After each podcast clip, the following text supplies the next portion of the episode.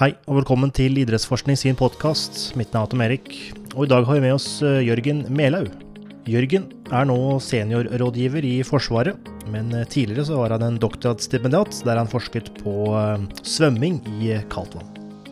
Triatlonet Norseman starter med svømming i kaldt vann, der det hoppes fra en ferje ned i sjøen og eh, spørsmålet er jo da hva er det som skjer med kroppen når man entrer sjøen, og hva skjer med kroppen etter at man er ferdig og skal sette seg på sykkelen og prøve å prestere på sykkelen i kanskje kaldt vær, men også når kroppen er kald. Har utstyret du bruker en betydning, f.eks. våtdrakta? Er det noen forskjell mellom kjønn, og hvor eh, farlig er dette med svømming i kaldt vann? Og med det så ønsker jeg deg en god lytting. Jørgen Melhaug, velkommen til vår podkast. Alt bra? Tusen takk for det. Ja, her er eh, alt bra. Eh, nede i Vestfold der jeg bor nå, så er det faktisk noe snøfnugg i lufta. Og det er, det er eh, tidlig her nede, det må jeg si. Men ja, takk det... for det. Vestfold, heter det fortsatt Vestfold? Eh, der, der, der, tok du meg i første Det er dårlig setning. Det er Vestfold Telemark, det er helt riktig. ja, stemmer det. Jeg tenkte det var noe endring der. Ja, ja nei, så vet dere, Nå må dere følge litt med på svarene mine og ettergå de litt. Så dårlig start. Er du sånn som jeg er fra Oppland, eh, som nå heter Viken. Er du like misfornøyd med navneendringen? Jeg, jeg, jeg, tror ikke jeg skal tråkke mer i eh, Jeg tror vi skal være forsiktige med jeg, jeg, tror ikke vi forfølger den eh, noe mer nå. Vi, nei, vi konsentrerer nei. oss om det vi kan og skal snakke om. Ja, ja enig. enig. Ja. Uh, vi hadde en liten prat før vi trykka record, uh, og det viser seg at du er nå sens nei, sensor, sier jeg. Uh, seniorrådgiver i Forsvaret, stemmer ikke det? Jo, det stemmer det. Det gjør det. Uh, så det er jo Du har jo vært tidligere gjest på vårt webinar. Da var du doktorgradsstipendiat og forsket på dette med svømming i kaldt vann. Som vi skal komme litt tilbake til. Men før den tid så har vi lyst til å bli kjent med deg som gjest. Og det er ikke sikkert alle har fått med seg webinaret og din bakgrunn. Så hvis du kan fortelle litt om deg sjøl, i form av utdanning, jobb og ditt forskningsfelt. Ja, Jørgen Melhaug heter jeg da, og da kommer da fra Vestfold Telemark, som, som vi har diskutert allerede. Jeg er uh, utdannet uh, ambulansefagarbeider og anestesisykepleier.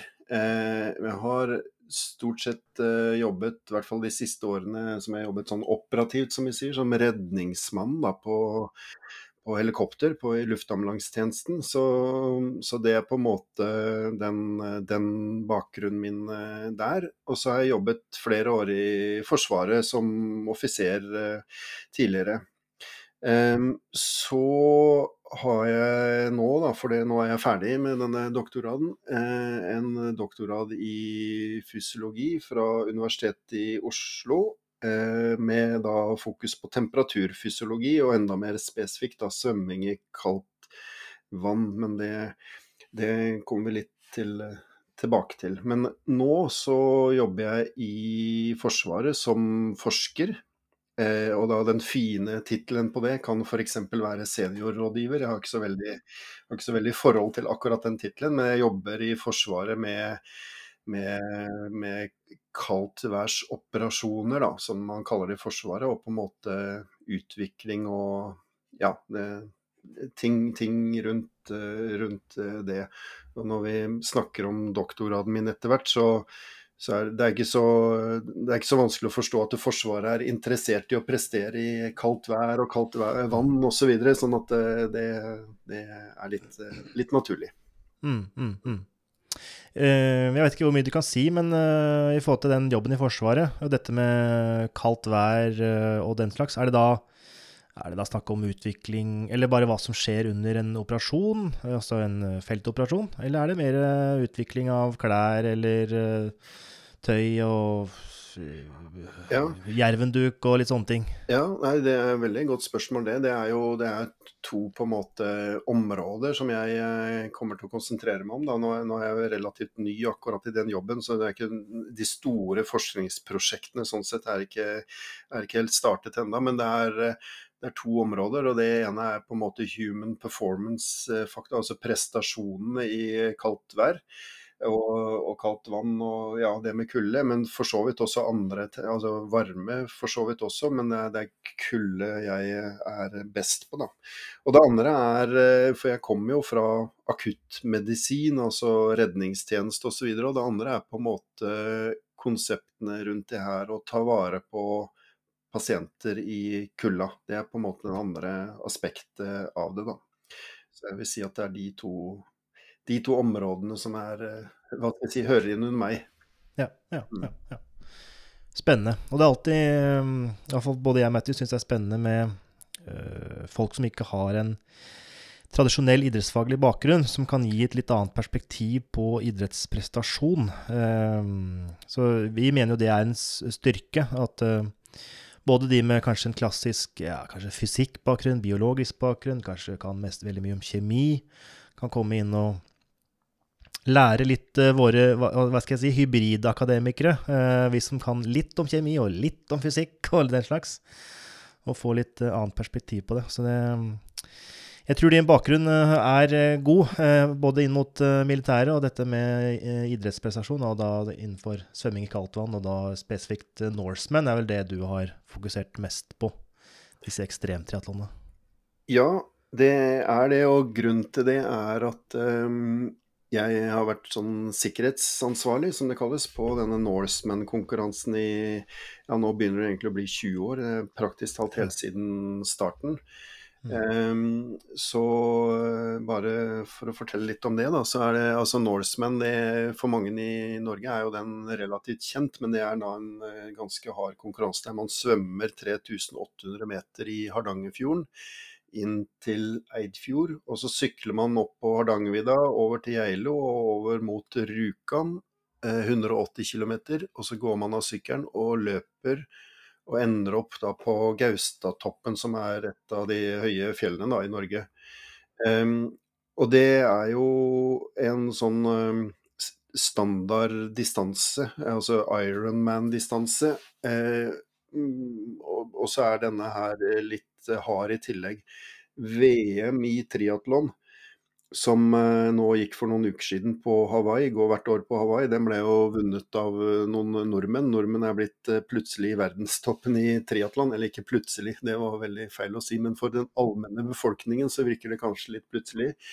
Men eh, der er det jo helt eh, flatt og ganske varmt, mens Norseman, der er det eh, mye bakker, veldig tung løype, ender opp på en fjelltopp. Det kan være alt fra ja, nesten 30 grader når man løper nede i dalen ved Austbygdi og Rjukan, til, til, snø på Gaustatoppen.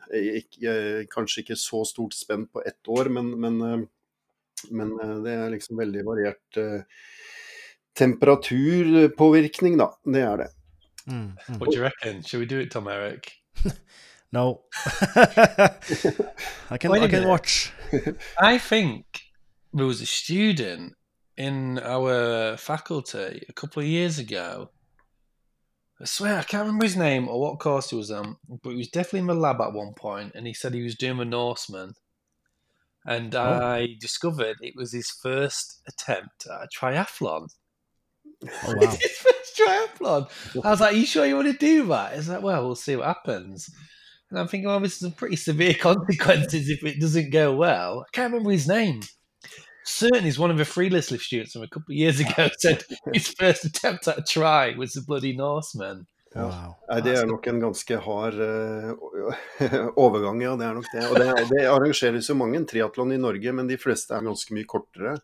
Uh, mm. På kanskje rundt to timer og sånn. De, hva skal jeg si, de lengste av de andre, for å si det på den måten.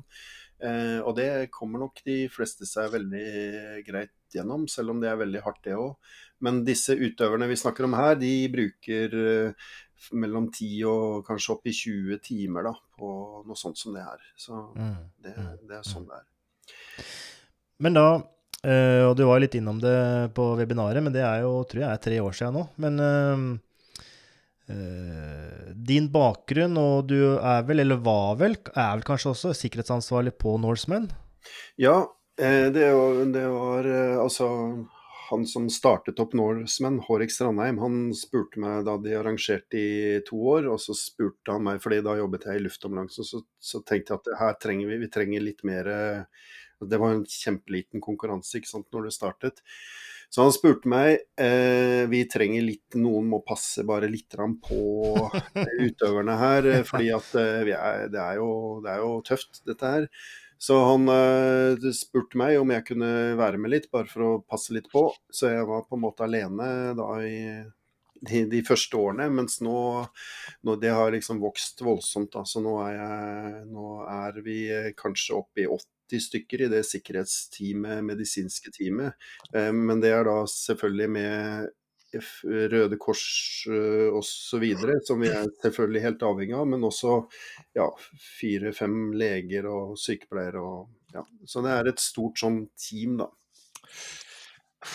If I signed up to a triathlon and saw that amount of medical staff, I'd be like, I don't know if this is for me.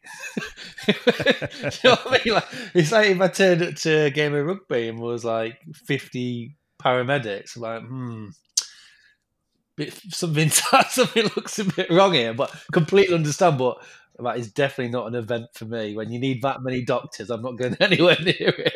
Det det er, jo Grunnen til det er det at eh, fordi veldig mange konkurranser, hvis du tenker en fotballkamp, da, så er jo det bare på ett uh, sted. ikke sant? Sånn at uh, Mye av grunnen til at vi trenger litt bra med folk, er at det er spredt utover et voldsomt stort geografisk område. I tillegg så er det er jo ikke noe sykehus i nærheten av Løya. altså De må jo fraktes langt. og sånn at det det, er ikke, det er ikke fordi at det er så veldig farlig at vi må ha et stort team, det er pga. geografi geografien, rett og slett. Og ja, at man er oppe i fjellet og ute i vannet og alt dette her. Da. Så, så nei, dere er fortsatt velkommen til å søke noe på plass. Det, jeg, det, jeg, gleder meg til det, kjenner jeg. Hvis det kommer til å møte noen av dere ute i løypa der. We'll make it, we can make a documentary on it uh, for our YouTube channel, Tom Eric. It's going to be a short documentary because I'm going to I'm going to fall in the water and they're going to go, eh, scream help, help. but, but uh, that's an interesting point. I didn't even think about that. The proximity to a hospital. Yeah. Yeah, never really. That's interesting. mm.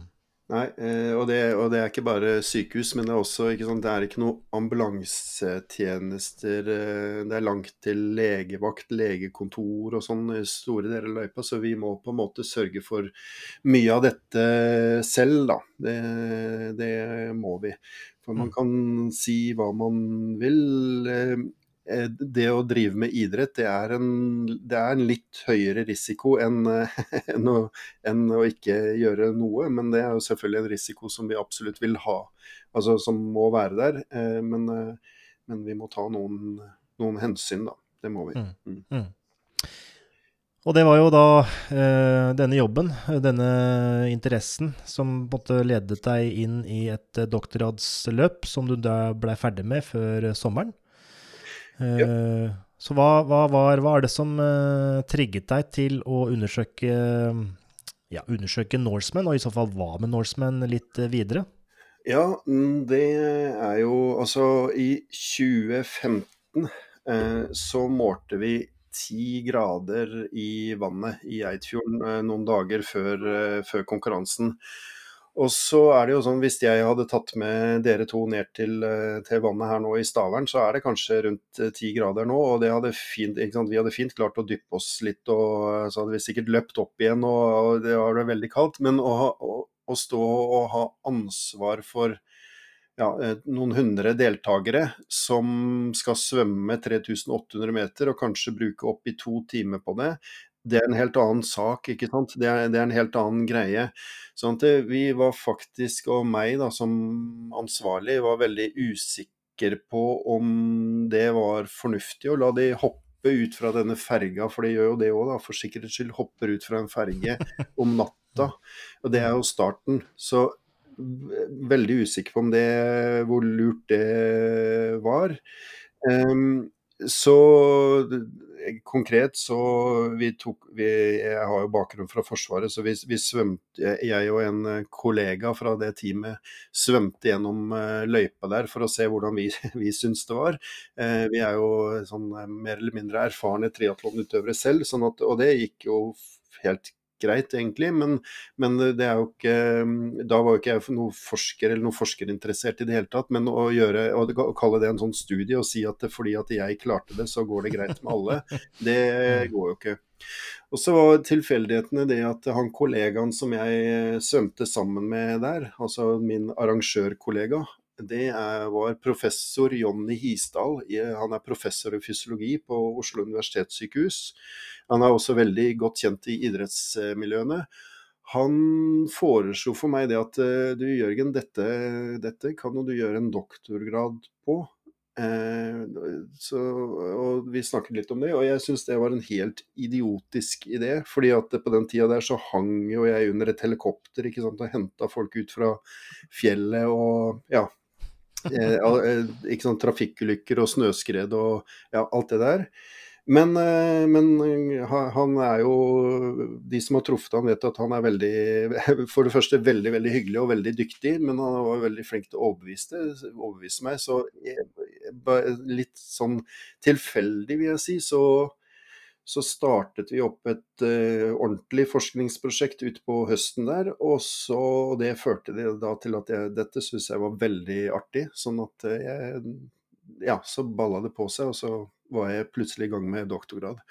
Og det første prosjektet som vi rett og slett eh, gjorde etter noen bare et par måneder, og det er ganske raskt i, i forskningsverden, det var at vi lot 20 triatlonutøvere svømme i 10 grader kaldt vann.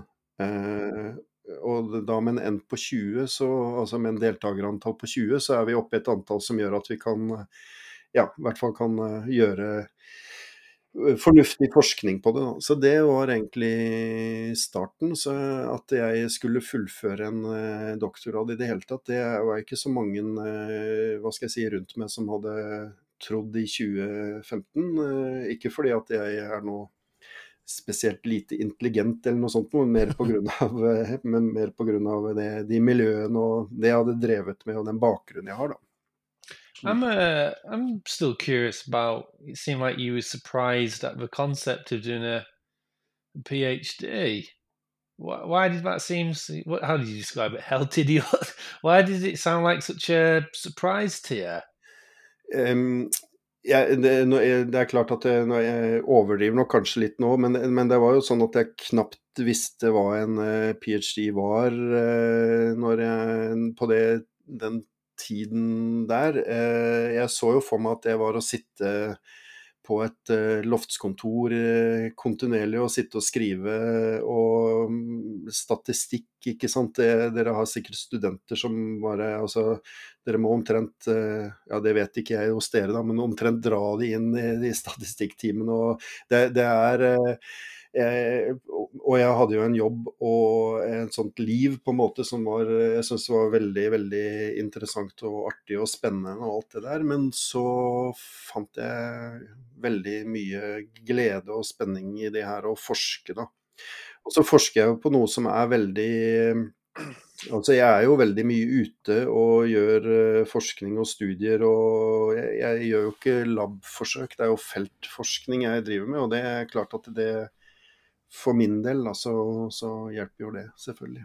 Mm. That's really interesting. So I guess it's almost like I'm trying to think how we'd say it, but you had a different idea of uh, almost like what research was or is. Like, like I said, just like some monk sat in their ivory tower writing all the time. I think that's really interesting. And like the reason I mentioned it is because I'm, as Tom said, I'm fascinated when people have like different backgrounds when it comes to talk to us in idrettsforskning, but I think you've done it the right way. Like, I know it's easy for me to say that because I've not done a PhD, but I find it weird in England, right? You could basically start when I'm 22 or 23 years old. And I always think, what have you learned about the world before you're trying to introduce like a new idea to it?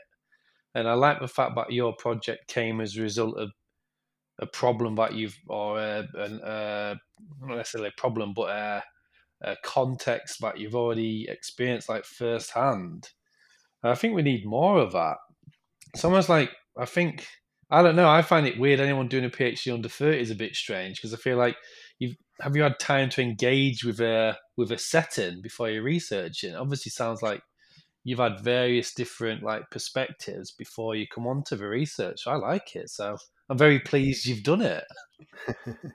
Ja, takk for det. det jeg òg er veldig, veldig fornøyd, altså. Jeg er det. Og når, når jeg sa at eh, jeg, jeg syns det var en idiotisk idé, så det var ikke helt bokstavelig ment, selvfølgelig, men, men, det var en veldig kontrast, da. Det var, mm. eh, det var eh, først, første gangen han liksom nevnte det, så, så, skjønte jeg ikke Altså, jeg trodde litt han tulla, og at det var en spøk, på en måte, men, men jeg, nå er jeg veldig, veldig glad for at jeg har gjort det. Det er jeg. Så jeg er veldig stolt av å ha en, eh, en PhD, ja. Mm. Mm. I mean, you've got you've got a hell of a CV. I was thinking when you telling us everything you do, I'm thinking you must be pretty busy.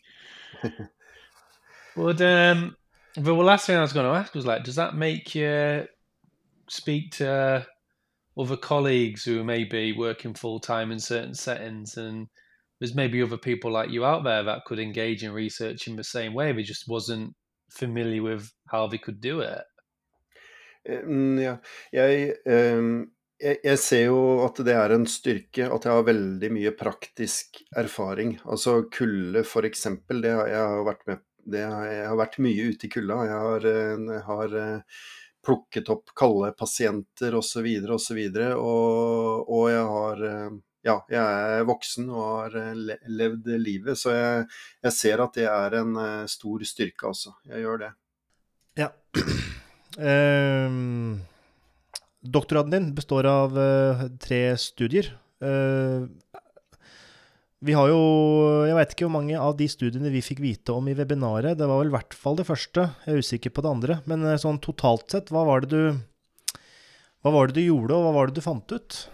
Ja, det er jo altså jeg, jeg, tente jo helt fullstendig på denne forskerideen jeg etter hvert. Sånn at jeg har jo egentlig publisert eh, til å være eh, I et sånn doktorgradsløp så har jeg jo publisert relativt eh, mye. Jeg har publisert mer enn det som er i doktorgraden min.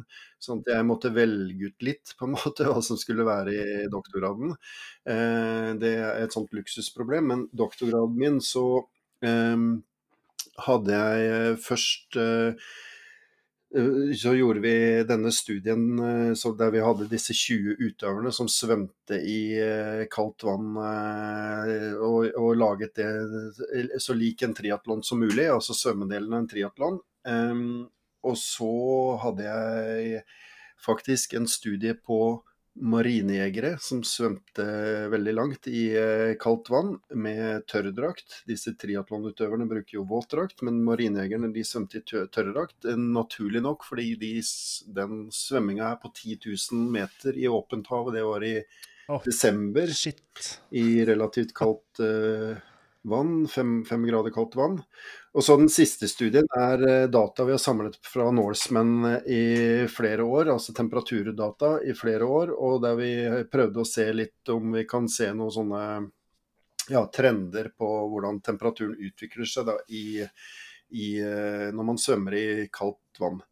Det som er å si, da, det, det, håper jeg vi får tid til å prate litt mer om senere, men på Norseman så er det nå en stor forskningsgruppe som på en måte har sprunget ut fra det her Sånn at eh, vi gjør nå forskning hvert eneste år på Norseman. Ikke bare ah. temperatur, men også mange andre ting. Og grunnen til det er jo det at eh, her er det jo utøvere som presser seg ganske Det er ganske ekstreme påkjenninger for kroppen, og da er det veldig fint for eh, oss som forskere å komme inn og gjøre studier på de som allerede presser kroppen sin til det ytterste, istedenfor at en forsker prøver å få tak i 20 frivillige som skal sant, gjøre ditt eller datt, og så skal vi inn og måle noe. Mens her gjør de det allikevel. og da, Så det er ganske sånn unikt. Så vi forsker både på ja, temperatur, men også hjerte, hjertefysiologi, lungefysiologi. Vi tar masse blodprøver. Eh, sånn at eh, det, det, er, eh, det, er, et veldig sånn stort eh, eh, forskermiljø. Og vi hadde faktisk en sånn samling i forskergruppa vår i går, der vi gikk gjennom litt det vi hadde produsert opp gjennom årene, da, og snakket litt om hva vi skal gjøre til neste år og sånn. Så det ville jeg bare, ja, bare nevne det kort nå. Men du spurte om, eller tror jeg faktisk, mulig jeg snakka meg litt vekk nå, men hva, hva, vi, hva, som var doktorgraden min, og hva som var funnene. Og um, det er jo uh, Det er jo selvfølgelig flere ting, det. Men, uh, men når man begynner å svømme, svømme, i kaldt vann, for det er forskjell på å svømme og bade. ikke sant? For når man svømmer, så bruker man jo muskulaturen, og det er en sånn vesentlig forskjell her, da. Eh, så når man begynner å svømme i kaldt vann, så, så er det ikke sånn at eh, man blir kald eh, Man starter ikke å bli kald med det samme. Eh, man blir faktisk Enten så holder kroppstemperaturen seg, eller så stiger den i de første 15-20 minuttene. Og det er jo selvfølgelig eller altså Man skal være veldig forsiktig med å si selvfølgelig da, som forsker, men, men det er jo fordi at man bruker muskulaturen, og den produserer varme. Eh, det som er veldig interessant, eh, er det at eh, mus... Dere vet jo, eller vi vet jo godt det at fettvev det isolerer veldig godt. Eh, muskulatur det isolerer også veldig godt. Så mye sånn forskning som er gjort på sånn type drukning osv., osv., det er jo gjort i labforsøk der de har senket Eh, kropper, holdt jeg på å si, altså mennesker nede i kalde bad, og så målt over, over, tid. Men det som er litt spesielt med muskulaturen, det er at når den blir perfusert, da isolerer muskulaturen ikke i det hele tatt. Og det er litt sånn eh, hva skal jeg si ny... Perfusert, eh, ja, bare for å ta det først. Ja, hva, er det, for noe? Beklager. Det er altså at eh, muskulaturen blir blodfylt. Altså når man begynner å bruke, bruke musklene, så kommer det jo mer blod til muskulaturen. Eh, eh, ja. Og da isolerer ikke muskulaturen i det hele tatt. Eh, sånn at, og det er, det er, litt sånn ny kunnskap. Mm, så det betyr at at uh, der er det noe med de funnene vi har, med at uh, kanskje man stiger litt i kjernetemperatur i starten, mens man begynner å bli ganske uh, kald etter hvert, da, fordi at man mister den isolasjonen fra muskulaturen. Det er jo også litt sånn i forhold til idrettsutøvere, som det er jo veldig ulikt på de ulike idrettene hvor mye fettvev og muskelmasse og sånn man har. Men, men generelt sett da, så har jo idrettsutøvere lav fett, lavere fettprosent og høyere muskelmasse enn normalbefolkningen. Eh, sånn at eh, det betyr at eh, idrettsutøvere generelt klarer seg dårligere når de svømmer i kaldt vann. Eh, det, det, var en veldig, veldig grov uh, forenkling, men, men, men, eh, det er noe der da, som vi må, må se litt uh, mer på. Så det perfusert, altså bru, bruk av muskulatur i kaldt vann, er uh, Ja, det er noe vi må se mer på. En av de, en av de andre viktige tinga vi fant, det er det at når man kommer ut av det kalde vannet, så fortsetter ofte temperaturen å synke. Og det er noe vi har visst veldig godt i akuttmedisin og redningstjeneste og sånn som, som, jeg kommer fra. At, eh, at, man begynner ikke å bli varm med en gang eh, man kommer opp, men, men eh, temperaturen fortsetter å synke en periode. Og f.eks. disse 20 utøverne som svømte i kaldt vann i den første studien vår, de ble kaldere og kaldere, selv om de satt i badstue med en gang de kom opp osv. Så, videre, så fortsatte på en måte kjernetemperaturen å synke. Og sammen med disse marinejegerne og sånn, de, de, kom opp av eh, etter den eh, ganske lange svømminga si, og satt også inne i et sånt oppvarma hus og ble fortsatt eh, kaldere. Og det ser vi veldig tydelig av, av dataene våre. Det som er litt uh, interessant med det, det er det at uh, disse triatlonutøverne de blir jo kaldere og kaldere mens de er ute og sykler. Ikke sant? Sånn at, uh, sånn at når de hopper på sykkelen, så er det ikke sånn at de begynner å bli varmere og varmere med en gang. Det er, det er en periode som de blir kaldere og kaldere. Eh, og det er veldig Og det er litt eh, Altså for idrettsforskninga, da, så er det, er det litt nytt. Selv om vi har kjent til det i akuttmedisin, så er det noe med Altså med idrettsforskningen så er det relativt nytt. Så det er på en måte noe som noen av disse ja, eh, klesprodusentene, altså sånn idrettstøyprodusenter og sånn, har hengt seg litt på at her er det kanskje noe vi kan gjøre for å hvert fall minimere den der, det at man eh, blir lavere i temperatur da, når man kommer opp av, eh, av vannet osv. osv. Så, det er, det er nok et, eh, også et av de viktige funnene. Jeg så på dere nå at dere hadde mye spørsmål, så. Eh, jeg har lyst til å bare, mm, før vi går til den eh, nedgangen i muskeltemperatur, eller kroppstemperatur, litt, litt tilbake til at blodet, mm, eller muskelen, som er i bruk, og der blodet strømmer inn, er dårlig på å isolere, ikke sant? Ja. Jeg har, alltid, eller jeg har alltid trodd, jeg vet ikke hvorfor jeg har trodd det, eller hvor jeg har lært det fra, men uh, man, lærer man ikke at det er blodet som på en måte frakter varme rundt i kroppen? Jo. Ish. Jo, det er, jo, det er, det er helt riktig. Det er helt ja. riktig. Sånn at eh, jeg, når, når, jeg sier dette her nå, så, så er det forenklinger. Ja. Eh, men, men, det, men det, det, er, 100% riktig. Det er på en måte mm. hvordan eh, kroppen blir varma opp, det er med at er varmen blir transportert med blodet. Det ja. er helt riktig. Ja. For bare, jeg bare husker et triks fra Bear Grills, som er jo en uh, Du er vel Norges Bear Grills, kan vi kalle deg det? oh, ja. Eh, men iallfall, han har sånn triks som at eh, hvis du er kald på eh, arma, da, så svinger du armene veldig fort rundt, som, som helikopterrotor, nærmest, og får da blodet med Hva skal jeg si? Det er vel fysikk, nærmest. Det er jo sentripetalkraften, det. Eh, får blodet ned i armene, og du får det litt eh, varmere fingre, blant annet. Så Derfor så måtte jeg bare lure litt på om er ikke blodet det som frakter varme, men det er det jo. Ja, ja det, det er helt riktig, men, men det er fortsatt to sånne fysiologiske ulike responser, det der også. Men jeg vet, jeg vet, ikke om jeg klarer det nå på direkten og så hva skal jeg si, ta den. Men, men, eh, men, eh, det du sier er helt riktig. Eh, så ja. Men, men det, er, men det er altså noe med det isolasjonsevnen da, til muskulaturen i når, når, muskulaturen er eh, blodfylt, for å si det sånn. Også, det er alltid blod i muskulaturen, selvfølgelig, men når, det er, men når, det er, eh, når alle karene er eh, ja, mer utvidet og det er mye mer blod i muskulaturen, så isolerer det eh, mye dårligere. Men det er i vann. det er ja, i vann fordi at varmetapet, det, det sa jeg ikke i sted, men varmetapet er betydelig større i vann. Sånn at det på land så er det ikke samme uttalte effekten. Der er det ikke sikkert at dette her har noe å si i det hele tatt. Så det, så det kan hende Bear Grills har eh, rett. Det er, det er, mange som gjør dette her. Det er veldig vanlig sånn i Forsvaret og sånn at man gjør ja. det der.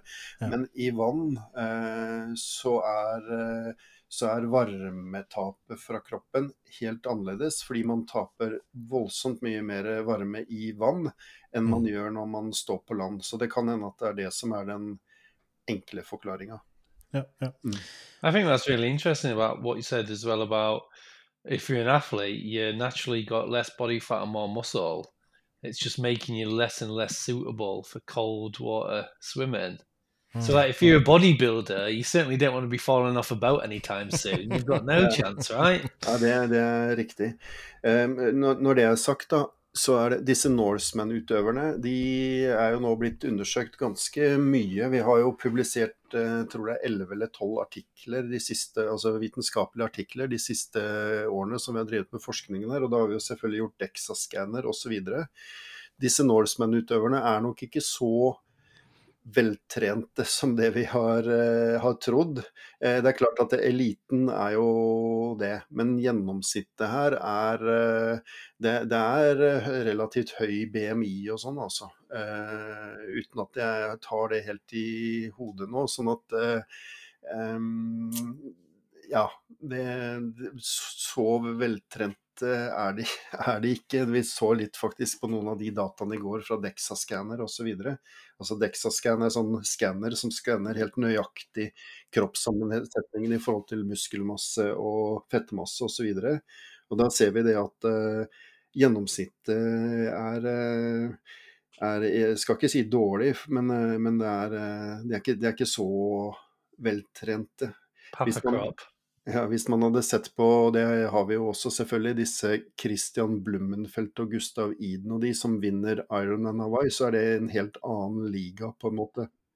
Så vi ser jo for oss at de blir med på Norseman et år. De er jo fra Bergen også, de er jo fra de, de er jo lokale, og vi, vi, kjenner det jo godt, selvfølgelig. Men uh, foreløpig så tror jeg de skal konsentrere seg om å bli verdens uh, beste i det de holder på med, og vente litt med Norseman. Jeg håper det i hvert fall. Men, uh, men de, de, kommer nok til å vinne Norseman ganske lett. Da. Det er min sånn, ah. Hvis jeg skulle vedda noe, så hadde jeg vedda på det. But uh, that makes sense to me, in a way. But I guess, I'm just guessing, but that kind of makes sense in that do people probably do this more of a this is a challenge I'm going to do this year rather than it being part of like a competitive calendar, if you see what I mean? Like, yep. if I was to do that, I'd probably do that and never do a triathlon again. um, so I imagine, is that the kind of demographic you have then? Ja, det er helt riktig. Dette her er en sånn uh, opplevelse for, uh, for, livet for de fleste av utøverne på Norseman. Og det, du, jeg også må på en måte hva skal jeg si, gjette litt på det, men det er, det er, det er nok et veldig et kvalifisert, uh, et kvalifisert gjett. Fordi at uh, det, de, de, fleste av de som er hos oss, de er ikke der for å vinne, de er for å gjennomføre Norseman. Det er, det er veldig tydelig. Og så er det en liten prosentandel som selvfølgelig kjemper om, om topp plassene, men det, det, er ikke det som er eh, veldig vanlig. De fleste, Det er, det er sånn, fa, sånn familieevent som de gjør en gang i livet, og så har de gjort det. It's just a fascinating, it's so fascinatingly complex. Like, right, basically, this is going to be really hard on the body. If you train too hard, you might be a bit too lean, find it too cold, and not complete it. I just find the whole thing really fascinating. Like, yeah, there's almost like this optimal amount of training you should do because almost if you're too trained and too lean, you might almost train yourself out of the event. Nothing to do with distance or intensity, just dealing with the cold water. That is fascinating. Ja, og det er ganske vi, vi, Akkurat det du sier der med at man når man er velt... Altså vi, vi, har ikke klart ennå å finne noen sånne For det er jo noen av disse utøverne som blir veldig kalde. Men vi har ikke klart å finne hvorfor det er noen som blir kalde, og hvorfor det er noen som klarer seg fint. Altså fordi vi, vi har jo en helt klar sånn tese om at det er disse med lav fettprosent og sånn som blir mest kalde osv., osv. Men de funnene har vi ikke. Vi, vi, har ikke klart å vise det ennå. Så vi har en faktor som er eh, vanskelig å undersøke, og som er litt ukjent enda, og det er dette her med våtdrakta. For det våtdrakta, det tror vi er litt sånn kjernen i hvorfor eh, noen klarer seg fint, og noen blir eh, veldig kalde. Men noe, der har vi ikke kommet så langt i det enda. For det har nemlig veldig mye å si hvordan den våtdrakta passer på kroppen din. Så det er jo, nå, nå, nå sitter jo vi eh, og, og, ser på hverandre over eh, video, så jeg vet ikke helt liksom størrelsene deres og sånn, men, men, det kan godt hende at uh, Matthew og, meg f.eks. Uh, vil uh, Når produsenten sier at vi er begge large i våtdrakt, men allikevel når vi tar på, vi tar på oss en large våtdrakt, Matthew og meg ved siden av hverandre, så vil den bli fylt ut da, på, på, ulike måter, fordi vi er anatomisk forskjellige. Og det kan ha ganske mye å si. Eller det, det, har ganske mye å si, det tror jeg kan si ganske sikkert. Både på temperaturfysiologien, på sirkulasjonsfysiologien, ikke sant? fordi det presser på ulike steder på kroppen, osv. osv. Og, og der eh, det, det, har vi ikke helt funnet eh, ja, hva skal jeg si, løsningen på ennå. Så der er det noen ukjente faktorer som vi ikke har klart å kontrollere ennå, som forskere. What kind of suits the people? Oh, sorry. Are Ja, nei, jeg tenkte bare på uh, i forhold til skal den ha en eh, passform, altså skal den være inntil kroppen hele tida, eller skal det være noen luftlommer helst, eller hva, hva, hva er optimalt? Ja, det er jo det, ikke sant. Fordi at eh, ja, den skal være inntil eh, kroppen hele tida, men det er jo der, ikke sant, som, eh, som det er eh, anatomisk veldig vanlig. Altså i prinsippet så burde man jo hatt skreddersydde eh, våtdrakter, ikke sant, for å få det der til å fungere helt optimalt. Men, eh, men det er litt eh, foreløpig ikke helt eh, praktisk. Men så er det jo også det at eh, for å svømme best mulig, for å på en måte prestere best mulig, så vil man ha den veldig tight, ikke sant? Fordi at da, da gir det best sånn svømme... Ja, eh, prestasjonseffekt, da. Mens så er det en god del sånne fysiologiske forhold som gjør at det å ha den veldig stramt på enkelte steder, f.eks. over brystet, det er, ikke, det er ikke sikkert at det er så gunstig, men, men der er vi ikke der er, der er vi ikke kommet så, så langt ennå. Der er det mye igjen å se på, for å si det sånn. Det er et veldig veldig bra svar for en forsker, fordi det betyr at dette må vi forske mer på. Ja, ikke sant. Ikke sant. Okay, I bet. Um, sorry. I bet a what's the word? Squidder seed, like a bespoke wetsuit. It's pretty expensive, right? Ja, ja. Det, det, det blir det selvfølgelig. Eh, og det, om det er det som er løsningen osv., det, det vet jeg ikke. Men, eh, men eh, det, er, det er i hvert fall noe med disse våtdraktene da, som vi ikke ja, klarer å kontrollere helt for ennå. Det, Mm, mm, It's not like we'd be just going down to Aeropriest to get a suit for the Norsemen. Nei, det tror jeg ikke jeg vil anbefale. Det, det, de, de, de fleste, altså disse som er med på Norseman, det, det er jo sånn søknad, ikke sant. Det, det er jo mange, mange tusen som søker, rundt 5000, og så har vi 250 plasser. Og da får de jo plass nå, de, de fikk vite det for en uke siden at de fikk plass. Og da begynner jo folk å trene. Altså, og da, hvis de da har kjøpt eh, våtdrakt på europris, så finner jo de fort ut at det ikke er noe lurt. Så de, de møter ikke opp i Eidfjord til start med våtdrakt fra europris, for den Mm. hva skal jeg si, feilen har de gjort eh, lenge før de kommer dit. da.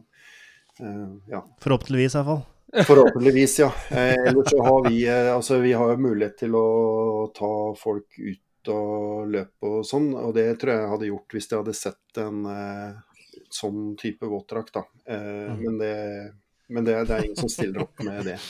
Det nettopp. Me and you turning up with like, all that kind of stuff, and then just like I don't know, some kind of push bike from there as well.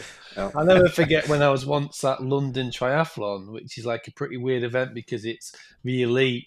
I mean, it's an open event all at the same time.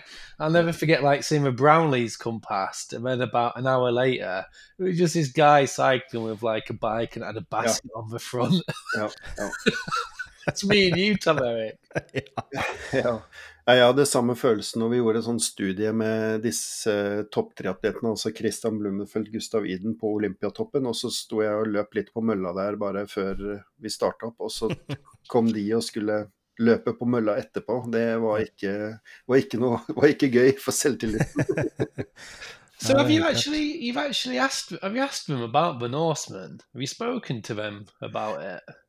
Eh, nei, det har vi egentlig ikke. Altså, de, de, dette her er et veldig lite miljø, sånn at de vet jo det at eh, hvis de vil gjøre Norsemen, så får jo de selvfølgelig plass og alt det der med en gang. Eh, men eh, nei, vi har ikke spurt dem om det. Men de har blitt spurt i en del sånn intervjuer og sånn, ikke sant. Fordi de gjør en del sånn podka altså, podkaster og videointervjuer og det ene og andre, de også. Så de, de, de, de, kommer jo nok til å stille opp på det, men ikke enda, fordi at eh, fordi at det fortsatt, jo- De får jo ikke noe penger ikke sant, for å være med på Norseman. De får en svart T-skjorte, det er det som er, det er, det som er premien.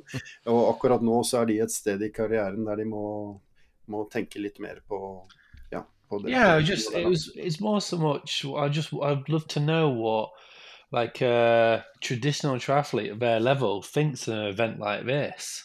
I just would be curious whether they think it's just insane or something. Ja. Mm, mm. ja, nei, det hadde vært uh, veldig gøy. Det hadde det.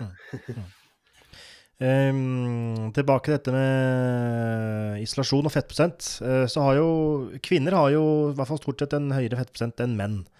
Men du sier at uh, hypotesen om at uh, de med lavere fettprosent blir, er de som blir kalde, den stemmer ikke helt? eller finner ikke nei, noe nei, jeg sier ikke at den ikke stemmer. Jeg sier at vi har ikke funnet, funnet. den relasjonen. For vi, vi tror Nettopp. at det stemmer, for det er flere som har vist det. Men vi har ikke klart å vise det på Norseman-konkurransen, og vi tror at det kan ha noe med den våtdrakten å gjøre. Okay. Jeg skulle jo gjerne vist dere noen sånne plott her nå, eh, der vi ser temperaturene på utøvere, men, men der, der, er det helt spredt som en slags uh, spagettiplott, holdt jeg på å si. Kurvene ah. går alle veier. Men det som er viktig, det er vi har noen sånne outliere, noen som blir veldig kalde. Mm. Eh, hvis vi gjør sånn eh, riktig statistikk på dataene våre, så finner vi ut at gjennomsnittet viser at det, det, er ikke, det, er ikke, noen som blir veldig kalde på Norsemen. Men det er noen outliere. Det er noen som blir veldig kalde.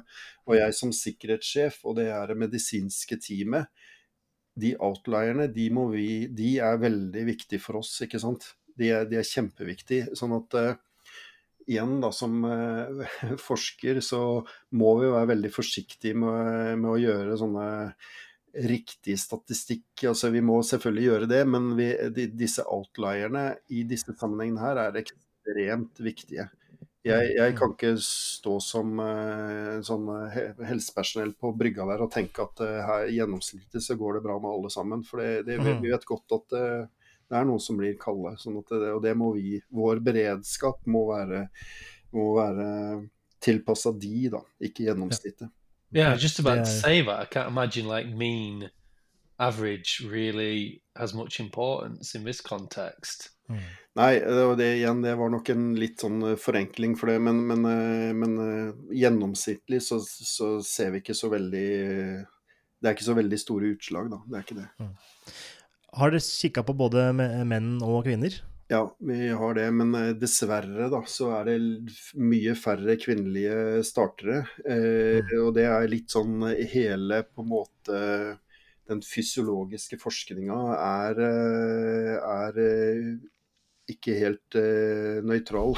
altså det er veldig, veldig stor overvekt av menn, og det er veldig mm. synd fordi at uh, Ja, det er veldig synd. Og det, det, andre er jo det at kvinner er jo Fysiologien er jo veldig spennende. for det, Hvis du bare tenker på temperaturfysiologi, så i forhold til hormonsyklus og sånn, så forandrer jo, så er jo, varierer jo kjernetemperaturen i forhold til hvor de er i syklus osv. Så videre. mm. Sånn at uh, det er noe vi virkelig håper å se mer på. Og Forsvaret er jo selvfølgelig veldig interessert i det. For dere vet jo det at uh, det er, jo, det er jo godt kjent at eh, Forsvaret har f.eks. startet opp sånne eh, kvinnelige spesialjegertropper osv. Og, og, mm. og liksom å få de til å prestere eh, best mulig, det er jo en helt klar interesse. Og samme i idrettsforskning, ikke sant. Mm. Så, ja. Men dessverre så er det, har ikke vi foreløpig hatt veldig jeg vil ikke si at ikke vi har hatt fokus på det, vi har bare ikke hatt mulighet, dessverre, til å gjøre det gjøre det så bra som vi hadde ønsket. da. Mm. Uh, I samme kontekst som Matthew lister opp her nå, i forhold til nettsida han sendte, og en eller annen Guinness rekordbok på uh, dette med uh, kvinner og kaldt vann. fordi når jeg var student, så ble det en diskusjon blant gutta. veldig sånn guttediskusjon. det kan ikke skjønne hvorfor det er guttediskusjon. Men det handlet om eh, verdensrekorder, eller rekorder rundt om i verden i ulike idretter og aktiviteter. Også liksom eh, sammenlignet hva eh, kvinnelige rekorder og mannlige rekorder. Og så fant vi ut at det, flesteparten av rekordene, det var eh, menn var bedre. De var raskere, hoppet høyere osv. Mm. Men så fant vi ut at det var én rekord som kvinnene hadde. Det var, det var svømming i Den engelske kanalen. Jeg vet ikke hvor lang den er, men det er jo åpen sjø, kaldt vann og langt. Ja. Eh, og dette er litt i tråd i forhold til det Matthew point, eller, um, satte fram nå. Er det noe eh, Sånn rent anekdotisk, din erfaring, gjør damene det bedre? Ikke at de svømmer raskere, ja. men er det mindre temperatursvingninger hos eh, damene for, nettopp fordi de har eh, potensielt mer eh, fett eh, på kroppen? Nei, jeg, jeg tror at eh, Det, det, er, det, er, jo faktisk eh, sånn nå, ser det veldig ut som at jo lenger konkurransen er, jo bedre gjør damene det. Eh, mm. Og dette er det mange som kan prate mye bedre om enn meg, men eh, vi er, er, også involvert i altså Det er jo bl.a. et sånt løp som går fra Oslo til Bergen. Det går sikkert også an å melde seg på for dere, det, men det, det er sånn femdagersløp. Og, og, og på en del sånne type løp, og sånne ultraløp og sånt noe, så, så er det innimellom nå kvinnelige vinnere, altså totalvinnere. Mm. Eh, sånn at eh, det er også noe som eh, vi liksom må Og da tenker jeg på idrettsforskningen da, generelt begynner å se litt mer og mer på. For det, som sagt så virker det som om at eh, jo lengre det er, jo, jo nærmere kommer kvinnene, da, mennene. Og også i enkelte konkurranser vinner. Og det er jo selvfølgelig veldig spennende. Men, men det er på en måte Det er ikke mitt uh, her, her, syns jeg, her, syns jeg, litt mye, men eh, det, i hva skal jeg si, mine miljøer så er det diskutert ganske mye. da. Veldig mm. viktig, veldig viktig akkurat det der, tror jeg. Well, that makes sense, doesn't it? Because one year Paula Radcliffe was the fastest marathon runner in the world.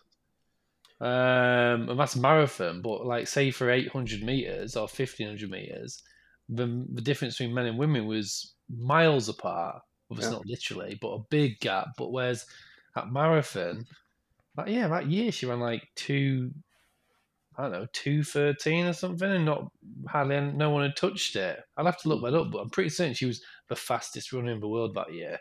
Ja. Ja da, nei, så det er noe der som er um, som uh, vi må se mer på, rett og slett. Mm. Mm. Mm, mm, mm. Veldig interessant. Uh, men vi i utgangspunktet så avbrøt vi jo din uh, doktorgrad. Men du, jeg tror du hadde kommet til uh, det var vel kanskje studie nummer tre, i hvert fall underveis i studie to. Ja, det var studie tre, tror jeg. Ja. Eh. Jeg, er, jeg litt, eh, har vært litt ustrukturert nå, ja. Men eh, vi, vi Nei, det er vi som har avbrutt deg, så det er vi som har vært ustrukturerte. vi, er, vi, er, vi er god kombo her, vi nå, altså. Det er Jeg, jeg tror jeg holdt på å snakke litt om den derre afterdroppen. Det snakket ja. jeg litt om, og der er det sånn Ja, ikke sant, funnet er helt tydelig hos oss og hos andre at veldig mange blir kaldere når de blir tatt når de er ferdig med å svømme i det kalde vannet, eller ja, hva det er for noe. Og hvis man uh, Disse marinejegerne igjen, da. Uh, så er det jo sånn at når de svømmer i kaldt vann, så er det jo etter at de har svømt i kaldt vann, ofte at det selve liksom, oppdraget starter. Da skal de klatre opp en taustige eller noe sånt noe, og så blir de fortsatt kaldere. Det som også er et viktig funn da, som vi har i noen av disse studiene, særlig dette marinejegerstudiet, det er at vi har også testet eh, dexterity, som er et engelsk ord, men som, eh, er, som jeg brukte lang tid på å finne. Men altså motorisk fingerferdighet, altså fingerferdigheten, den er veldig viktig. Den blir kraftig nedsatt når du blir kald, og det eh, De fleste har jo har følt det sjøl når de har vært på fjell eller, eller, blitt kalde på fingrene, at liksom fingrene fungerer dårligere. Men, men vi og flere andre har målt det, da. Og den er liksom på disse marinejegerne så fant vi kraftig nedsatt fingerferdighet da, når de var ferdig med den svømmingen. Poenget er det at det, eh, det er da oppdraget starter, fordi da skal de klatre en taustige, de skal kanskje, altså, kanskje bruke et våpen, de skal eh, ja, forskjellige ting. Um, og disse triatlonutøverne, de, de, skal jo bruke en sykkel, kanskje relativt teknisk, ikke sant? bremser og svinge osv. Og så er fingerne, fingerferdigheten ganske kraftig nedsatt. Så det glemte jeg nok å nevne litt i starten. Det er også et viktig funn da, fra en del av disse studiene våre. Sånn at eh, veldig grovt sett så er mye av det vi har funnet, er det at eh, ja, greit, svøm i kaldt vann, greit, men det er når du er ferdig og kommer opp av vannet, det er da på en måte de hva skal jeg si, de største utfordringene starter. Og da er f.eks. triatlonutøverne de er ute på sykkel, og soldater er eh, ja, i gang med et eller annet eh, annet som, som er ganske krevende. Og da er de på en måte, kall det, på sitt verste, da. Mm. Både i forhold til fingerferdighet og også dette her med afterdrop, da, som også kan være en utfordring. Mm. Mm. Veit du noe om eh, mekanismen til at eh, denne kroppstemperaturen fortsetter å gå ned etter at de har kommet ut av det kalde vannet? Ja, gjør det. Det jeg skal sende deg doktorgraden min. Nei da. Nei, den har jeg faktisk oppe. eh, ja, nei, eh, om jeg, om jeg, klarer å forklare det kort og enkelt. Altså, det er helt, uh, helt tydelig to ulike sånne fysiologiske responser.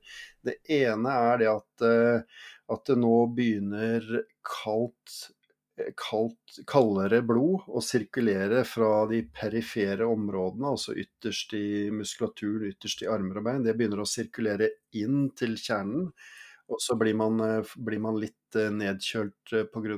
det, og det fortsetter en stund, ikke sant, frem til kroppen ja, varmer seg opp. Den andre mekanismen er det at, at varme, det, det har en sånn eh, konduktiv effekt. Altså vil si at det nå er eh, Periferen vår er eh, de, De perifere områdene våre begynner å varmes opp fordi vi f.eks. sitter i en badstue eller et uh, varmt område, mens kjernen vår er fortsatt litt kald. Og for at den varmen skal på en måte forflytte seg fra de perifere områdene og inn til kjernen, så tar det rett og slett litt tid. Mm. Det, det, det, tar litt tid å varme opp uh, varme opp uh, ja, uh, kjernen. Så når vi måler på dette her, da, så ser vi at det går kanskje sånn rundt 15-20 minutter før kroppstemperaturen er på sitt laveste. Eh, før den begynner å varmes opp igjen. Da. Så når du kommer ut av det kalde vannet, så går det i hvert fall gjennomsnittlig 15-20 minutter før den begynner å varmes opp igjen. Da. Eh, og det er helt i tråd med ja, andre, andre studier og sånn også. Uh, ja. What does that tell us about like measurement techniques for temperature then? Is that yeah. does that give us any important info about that? Ja, det som jeg ikke har sagt, men som ofte veldig mange syns er veldig spennende, det er jo hvordan vi måler temperaturen. fordi at eh, vi kan jo selvfølgelig ikke Altså, Vi måler jo temperaturen kontinuerlig, men vi kan ikke bruke hva skal jeg si, rektaltermometer, som kanskje ville vært rett på når man skal svømme og sykle og, og løpe. Eller eh, prøve å sette det inn på noen eh, marinejegere, for den saks skyld. Det, vi bruker sånne temperaturpiller Eh, og det er for mange litt sånn eh, James Bond-aktig. Eh, men eh, de, de, svelger rett og slett eh, piller eh, som måler kjernetemperaturen. Og på forhånd så kan vi stille inn frekvensen på hvor ofte de skal måle. men det er gjerne et, hvert minutt da, at de måler. Og så er det en harddisk, da. Og en liten harddisk også på den pilla, så den lagrer temperaturene. Og så kan vi lese det av etterpå. Eller for så vidt underveis også. og Det gjør vi med å holde en sånn avlesningsdevice da, inntil eh, magen til, eh, til, utøveren, og så blir det på en måte lastet ned trådløst. Um, så, så, det er på en måte eh, litt sånn nøkkelen her til å få til det her. For tidligere, så det eneste vi har kunnet gjort før dette her, det er å gjøre sånne spot-målinger. At vi kan måle en temperatur før de starter, og så måler vi en temperatur når de kommer opp av vannet. Så må vi bare gjette hva som har skjedd imellom der. Men, men nå nå må, har vi kontinuerlig måling. Og vi gjør jo dette selvfølgelig på hele konkurransen, altså Norseman. Så jeg, jeg, har temperaturer også fra både syklingen og løpingen og hele forløpet, som vi kommer til å publisere etter hvert. Men akkurat nå i forhold til doktorgraden, altså vi konsentrert oss om, eh, om uh, svømmingen. Men uh, det er veldig mange nå som bruker uh, Eller veldig mange, det er feil, men det, å bruke disse pillene, det er det flere som bruker nå etter hvert. Og det er et veldig, veldig godt hjelpemiddel for forskere. Det er veldig upraktisk og sånn for utøvere. Det er veldig dyrt, og det er litt sånn krevende å bruke og sånn. Så du må Jeg skal ikke si du må være forsker, men i hvert fall du må ja, kunne det litt. Men, men det, det, er et veldig godt hjelpemiddel. da. do you do anything with them after they've swallowed it? what, what what's the process of like the? How long do they like stick around for, basically? Det, jeg forsto ikke hva du mente. Like, uh, what's the lifespan of these pills? Å ja.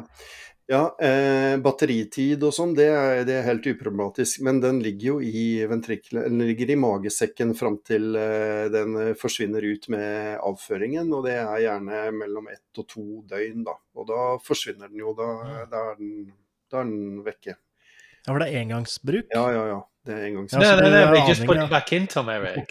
they just No, recycle. no. maybe a dumb question, but uh, you know, I need to, I need to ask it. You know, it's not um, Vi snakker om bærekraft hele veien, og Hey, just give it a rinse under the tap, put it back Nei, in. Det er mulig, det er teknisk mulig å bruke de flere ganger, men eh, jeg har ikke, jeg har ikke, ikke vurdert det må noen andre finne ut av. Ja, ja. Well, you, you said something about rectal temperature obviously not being particularly practical, but there is like um, what is it? It's like it's like a pill that you basically put up the other end with a Yeah. cable.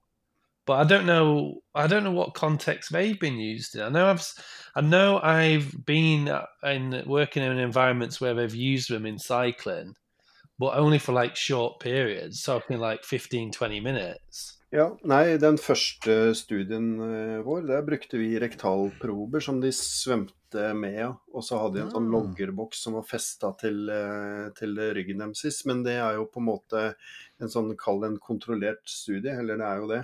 eh, Der de bare svømte, og, så, og de svømte for forskningen sin del. Mens det er noe helt annet i en konkurranse, ikke sant. Da kan ikke vi det, det ville bli en for stor sånn inngripen. Så derfor er disse pillene eh, rett og slett helt geniale. Og de er validert og sånn, for det er mange som spør ja, men gir det riktig temperatur osv. Ja, de gjør det. Eh, de, de, når man svelger de, så tar det en eh, par timer før det er der de skal være i eh, mage-tarmsystemet og gir riktig temperatur. Eh, men eh, når de ligger der, så, så er de veldig, veldig gode og veldig til stor hjelp. Da. What do you? How have they been? What have they been validated against? Ehm, eh, de er blitt eh, validert mot, eh, mot sånne kalibrerte temperatursensorer i lab, men de er også nå etter hvert validert mot utøvere eller forsøkspersoner, da, som det også blir målt med rektal temperatur osv. osv. Eh, greia er litt også det at temperaturfysiologi, da, så er det sånn at kroppen vår det, det er ikke sånn at vi har ikke lik temperatur rundt i hele kroppen. Vi har ulik temperatur. Sånn at eh, hvis man f.eks. måler temperaturen i ja, tarmsystemet der disse pillene ligger, og rektalt, så er det ulik temperatur. Men, men det skal være det, fordi at temperaturen er ulik der. Sånn at eh, sånn eh, forskningsteknisk da, så må man jo selvfølgelig bruke liksom samme metode hele tida. Så jeg, jeg, kan ikke Vi kan ikke mikse metoden her, for det vil ikke gi samme resultat. Men, men poenget her er at, eh, at eh, vi, vi, vi kan følge kontinuerlig temperatur med samme måleinstrument hele tiden. Det er det som er litt poenget her. Så dere har sikkert vært hjemme og vært syke, eller hatt eh, barn eller andre som har vært syke, og så målt temperatur i øret osv., og, og så sjekker dere kanskje i panna eller et eller annet sånt noe, så er det ulik temperatur. Men det, det, er, det, det er sånn det er. Det er ulik temperatur på ulike steder i kroppen. Eh, Så ja. I was just I was just having a quick look. There's been some research that I've used these uh, temperature pills in like team sport as well. Yeah, Uh, ja. That's really interesting because I Yeah. guess To, to, to what end? so. For example, playing in hot hot environments, like if you think, Ah, about, right. think about like Qatar, for example. Mm. I didn't know how widespread they were used. I, I wasn't aware they'd been used in, in team sports. I was just looking as you was. Nei, de er brukt i veldig mange eh, idretter eh, nå etter hvert, og de bruker de veldig mye på Olympiatoppen eh, til sånn eh, varmetrening og varmepåvirket trening. Hun Ida Svendsen som er eh, ekspert på det der oppe, og det, så det er, eh, det er eh, ja, veldig, veldig vanlig i bruk, ja. Det er det. Have you had any? Are you aware of anyone, might not be in your studies or just heard about, read about? Does anyone ever get like like digestion issues of this thing? Like an allergic reaction or something? Mm, Nei, det har jeg ikke hørt, men det er jo, en, det er jo noen kontraindikasjoner for å bruke disse pillene. Bl.a. hvis man har hatt sånne mage-tarmoperasjoner eller tatt blindtarmen osv. Så, videre, og så, videre. så, det, så det er eh, Og det er også andre kontraindikasjoner eh, på det. Vi kan ikke bruke det på gravide bl.a. Og det har noe med radiofrekvensen de sender på osv. osv. Fordi jeg er involvert i en sånn studie på idrettshøyskolen nå, der man tester eh, gravide toppidrettsutøvere. Eh, og der kan vi ikke bruke de, fordi at eh, det, det, er en risiko for at det påvirker eh, fosteret. Eh, selv om den risikoen er liten, så skal man selvfølgelig ikke ta, ta den risikoen. Så. There's one more thing I was going to ask about that. Yeah, that was it. Like, okay, if people there's not so much many people having issues with it in terms of digesting. What about is there any? Have you ever come across like people being quite resistant to this? Like, do they find it quite invasive? Like, what? I've got to swallow a pill for you to record my temperature. I'm just Yeah. wondering, like the ethics. Like, I'd be fine with it, but but uh, that's probably because I've read about this stuff. But I wonder how many people are like, whoa, what the hell? Nei, altså Når vi søker forsøkspersoner, så vet de at det er dette de skal gjøre eh, når de blir, eh, når de blir inkludert. Eh, Det er, det er veldig mye lettere å få dem til å svelge den pillen enn å få en sånn rektalprobe. rett. Så det er veldig mye lettere. Når det gjelder etikk, da, der er det, det- er litt utfordrende. fordi at regional etisk komité. Så når det, altså, vi, som forskere må jo søke godkjenning for å få lov å forske på mennesker. Veldig grovt grov forenklet. Men, men eh, og, det, og det gjør vi også med disse temperaturstudiene. Og da er som regel da, svaret vi får fra regional etisk komité at dette faller utenfor helseforskningsloven. Så dette må vi på en måte ta ansvar for eh, selv. Så det, det er litt sånn eh, litt sånn eh, utfordrende for oss. Det er, ikke, det er ikke helt uproblematisk å la folk svømme i kaldt eh, vann. Så det er også en veldig god grunn til at vi gjør dette på folk som allerede svømmer i kaldt vann. For da er det greit. Da, da får vi lov til eh, holdt på å si nesten hva vi vil, det, det er ikke helt riktig, men nesten, nesten hva vi vil. Men disse gjør det jo allikevel. Det er ikke vi som forskere som ber de å delta på Norseman. De, det gjør de allikevel. Og så spør vi om vi får lov å gjøre målinger på de, og da er det en helt annen greie. Mm, mm. Eh, jeg har lyst til å ta Jeg tror eh, det nevnes, eh, tror jeg, i din doktorgrad, men Professor Tim Noakes, som kanskje er kjent for noen, er jo en I hvert fall på enkelte områder en noe kontroversiell eh, professor fra Sør-Afrika, Cape Town. Eh, men han har iallfall gjort noe, tror jeg, om det er case-studier eller om det er flere personer. I hvert fall litt på cold water swimming eh, i, i hvert fall Nordpolen.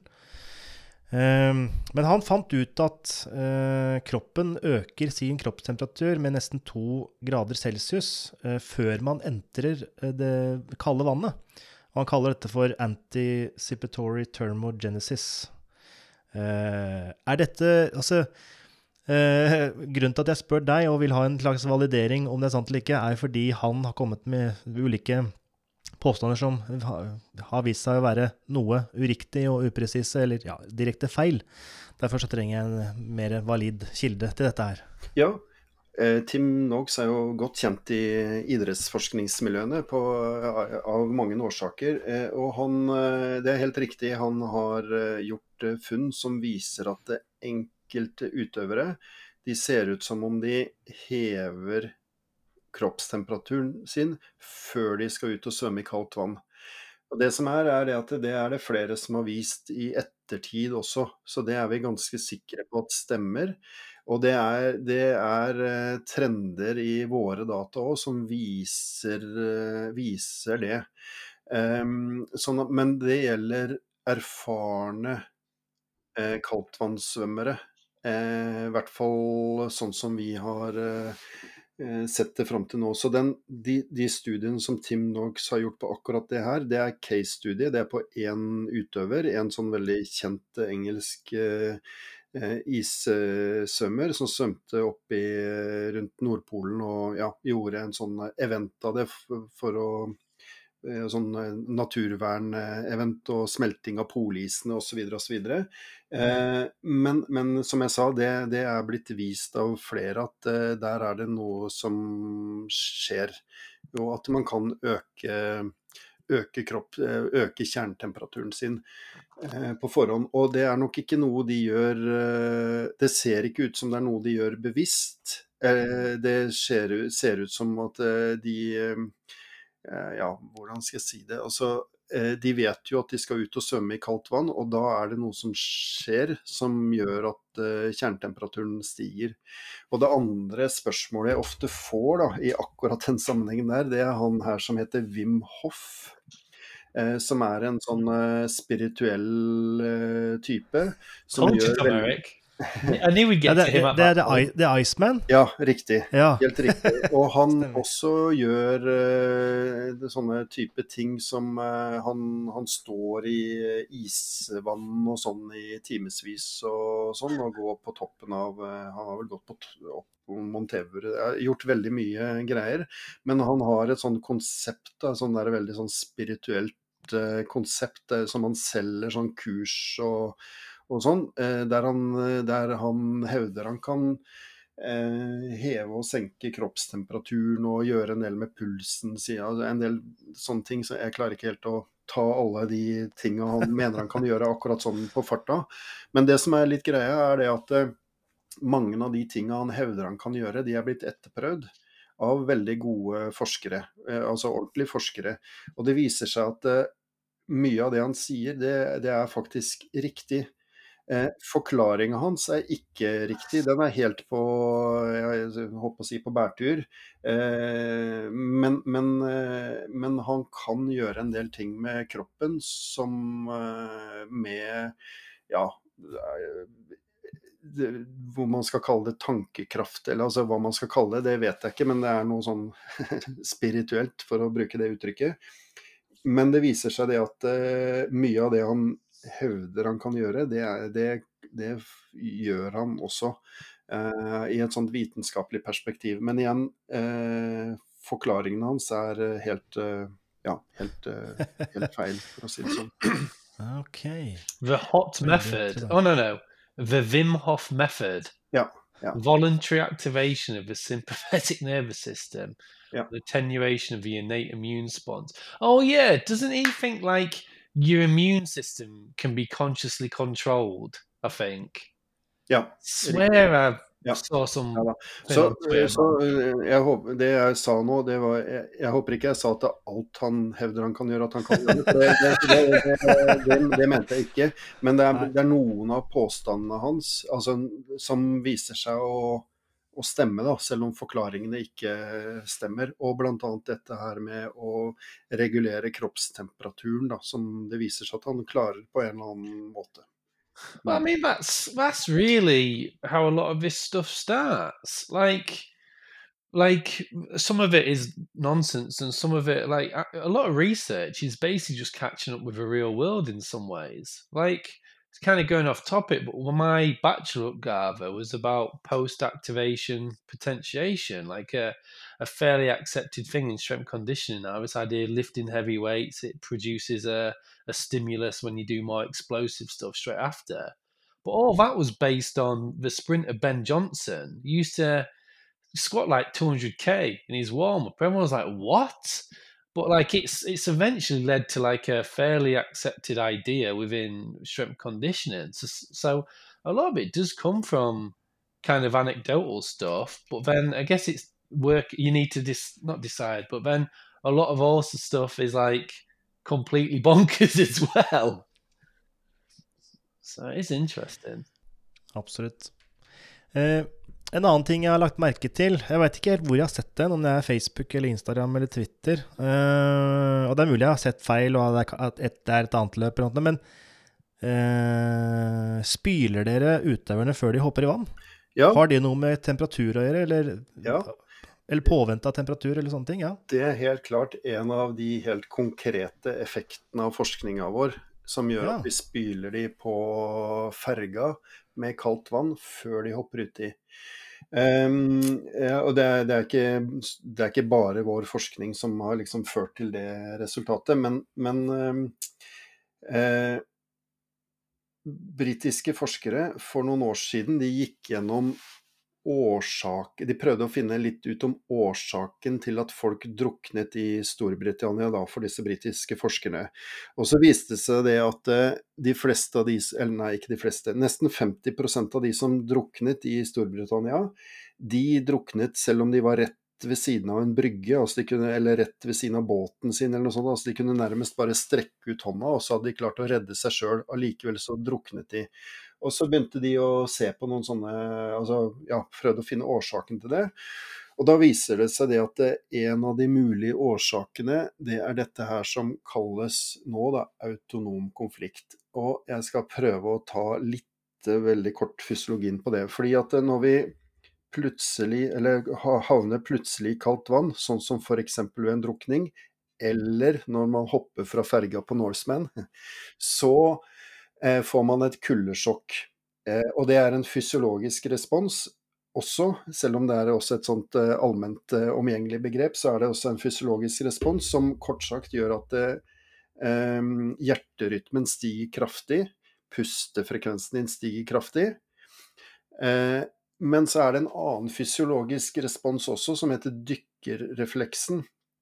Eh, og det er eh, når du får eh, vann på spesielle deler i ansiktet bl.a., så man, kan man bli utsatt for det dykkerefleksen, og den er helt motsatt.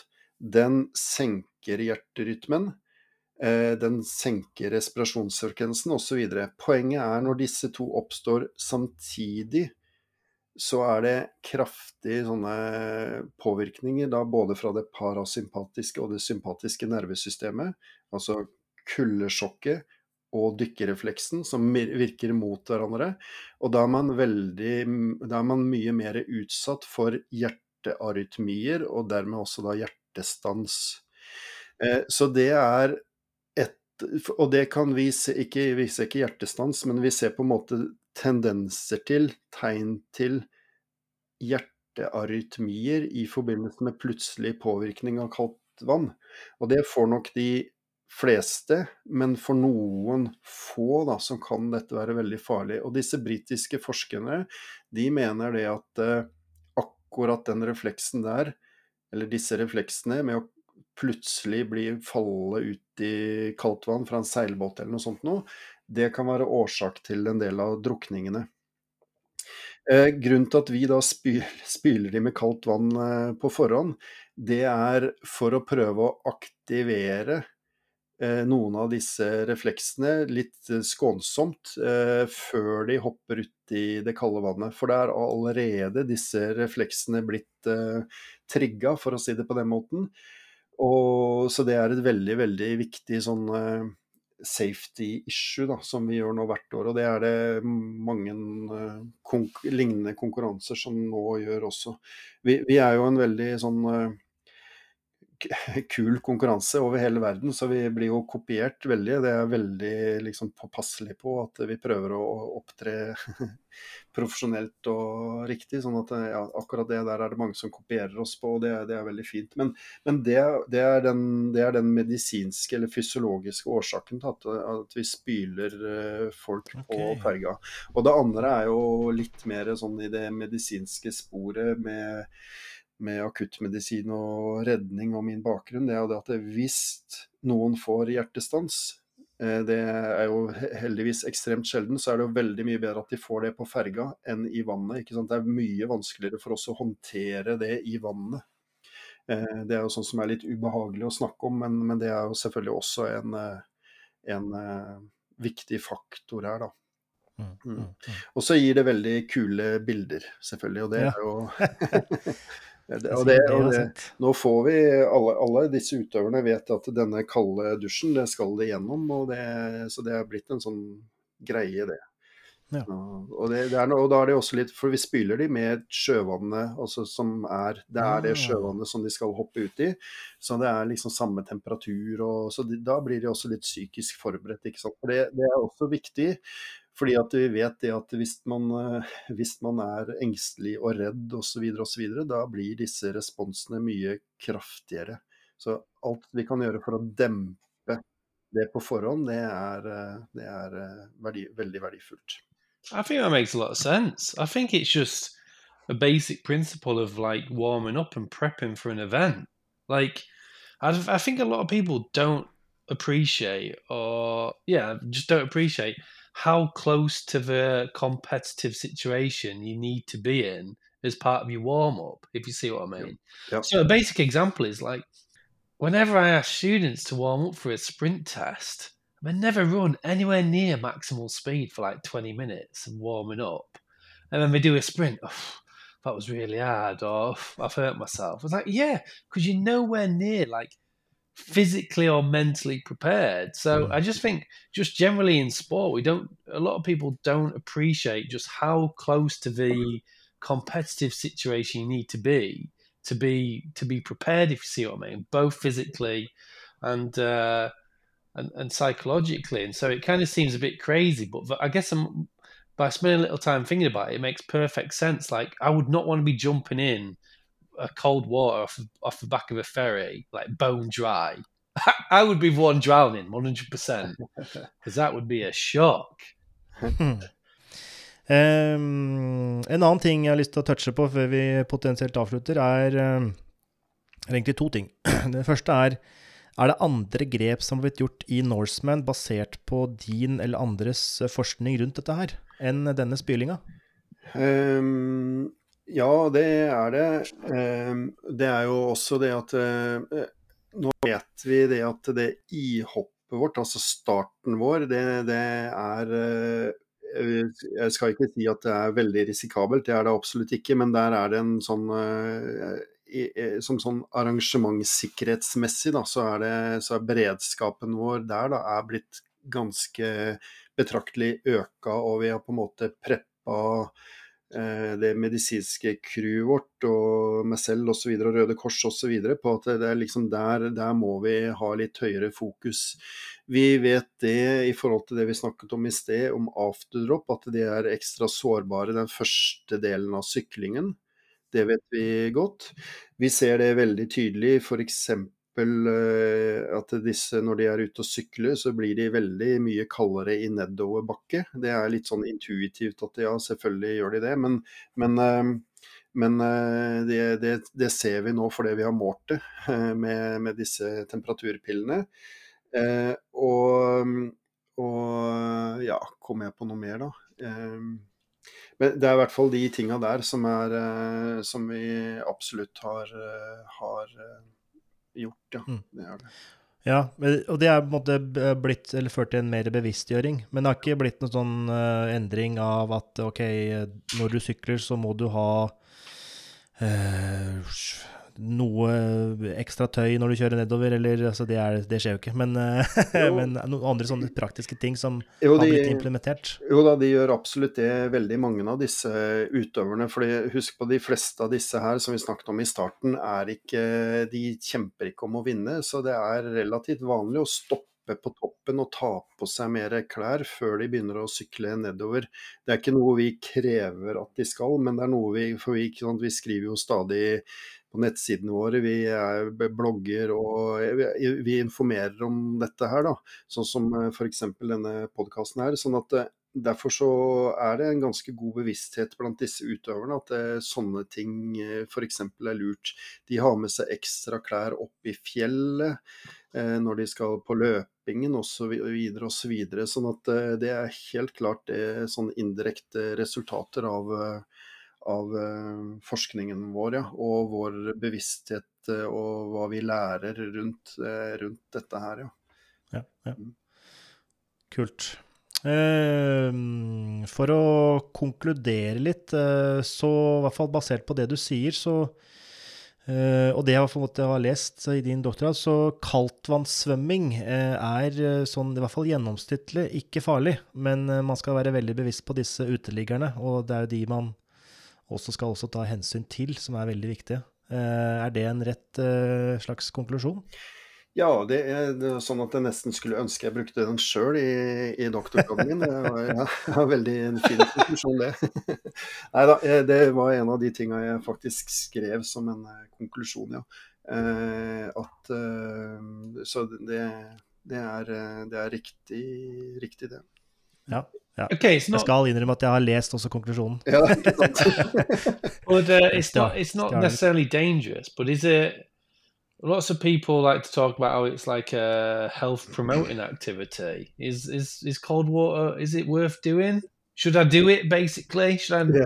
run down the hill and have a little mm. dip? Ja, og det får jeg jo nesten daglig spørsmål om. ikke sant? Helseaspektene ved, ved kaldtvannssvømming. Jeg har jo fokusert uh, på de hva skal jeg si, farlige aspektene ved det. Det er det som har vært opphavet til doktorgraden min.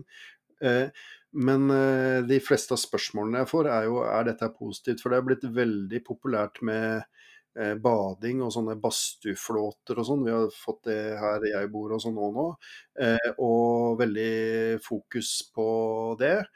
Og det er det mange forskere da, som har prøvd å finne, liksom, finne disse her positive effektene. Det klarer vi ikke helt å finne de positive effektene. Altså vitenskapen klarer ikke helt, eller har ikke lykkes helt med å finne noen sånne veldige effekter av det enda. Men de fleste er ganske overbevist om at det er noen positive effekter. Eh, men vi, vi, har ikke helt klart å finne det igjen, da. Og i beste fall foreløpig så er det i hvert fall beskjedne effekter, da. Men at man blir i godt humør av det og sånn fordi man føler seg litt, eh, litt eh, bra fordi man har turt å hoppe ut i kaldt vann og sånn, det er det jo ikke noe tvil om. Og det, det kan selvsagt være en veldig viktig effekt i seg sjøl. For de, de, områdene man har sett positive effekter, det er i forhold til sånn psykisk helse og sånn. Det er det ikke noe tvil om, men, men da er det nok mer det at man har gutsa og, og hva skal jeg si, turt å hoppe uti og sånn. Mens de fysiologiske responsene og forandringene og godene, for å si det sånn, av uh, isbading, der er man ikke helt uh, klar og tydelig enda. Yes. So if we ever go on like a at work, come on, we've got to go swim in the fjord. I can't wait. Just go. No, the uh, the effects aren't conclusive actually. yeah. I nice. can't wait. Just go. Well, actually, there's no consensus in the literature, so I'm going to step out. oh, thank God. Ja. ja, bra. Bra. Eh, jeg føler vi nærmer oss eh, slutten, Jørgen. Eh, har vi vært innom det du tenkte at vi skulle være innom? Ja, det tror jeg. Jeg kunne jo, som sikkert alle andre som er her, prata masse mer om det her, men jeg føler vi har vært innom mange viktige ting nå. Absolutt. Ja, ja, ja. Veldig mye nytt uh, for min del, og veldig mye interessant. Uh, så det har vært en, en, en, fryd å få litt kunnskap om dette her. men før vi så runder helt av Du er jo på sosiale medier. Du har jo til og med en egen nettside, så vidt jeg har fått med meg. og du er aktiv på Norsemen sine sider og, og litt av hvert. Men sånn rent sosial mediemessig, hvor er du å finne? Ja, det, det, er jo Twitter som er eh, liksom eh, den vitenskapelige der, der, treffer jeg veldig mye kollegaer og sånn. Og så er det blitt mer og mer LinkedIn, altså. Der skriver jeg rett og slett er, veldig mye. Er det populært? Der er det veldig mange fag, fagfolk, og jeg, jeg, skriver, hva skal jeg si, små, små vitenskapelige historier der et par ganger i uka får veldig god respons på det. Eh, sånne kall det små blogginnlegg eh, på en måte på LinkedIn. Eh, men det er nok altså, På alle disse sosiale mediene så er jo publikum ulikt. ikke sant? På de ulike, det er forskjell på de som er på Snapchat og de som er på LinkedIn. Så det, men de siste har jeg vært mer og mer på LinkedIn også, rett og slett. Okay. Interesting. I've I've given up. I've I don't really use LinkedIn. I think it's it's got too much like Facebook, so I might as well just use Facebook. I guess. Like initially, it's very very like work orientated, but I feel like the content's a bit diverse, which is fine. But I don't know. I don't really have a use for it anymore. Mm. Maybe I Mm. should start using it. Den er god. Da vil jeg takke for en god prat, eh, Jørgen. Det har vært uh, veldig kunnskapsrikt og veldig interessant. Og uh, heldigvis så slipper jeg å gå inn i det kalde vannet og få noen helseeffekter. Jeg kan sitte her og være varm og, varm og god. But if you do want to do that, you know how to prep for it now. Yeah, true. House, host myself. Ja, helt riktig. Ja, flott, Det har vært veldig hyggelig å være her, så takk for at jeg ble spurt om det. Tusen takk. Takk sjøl.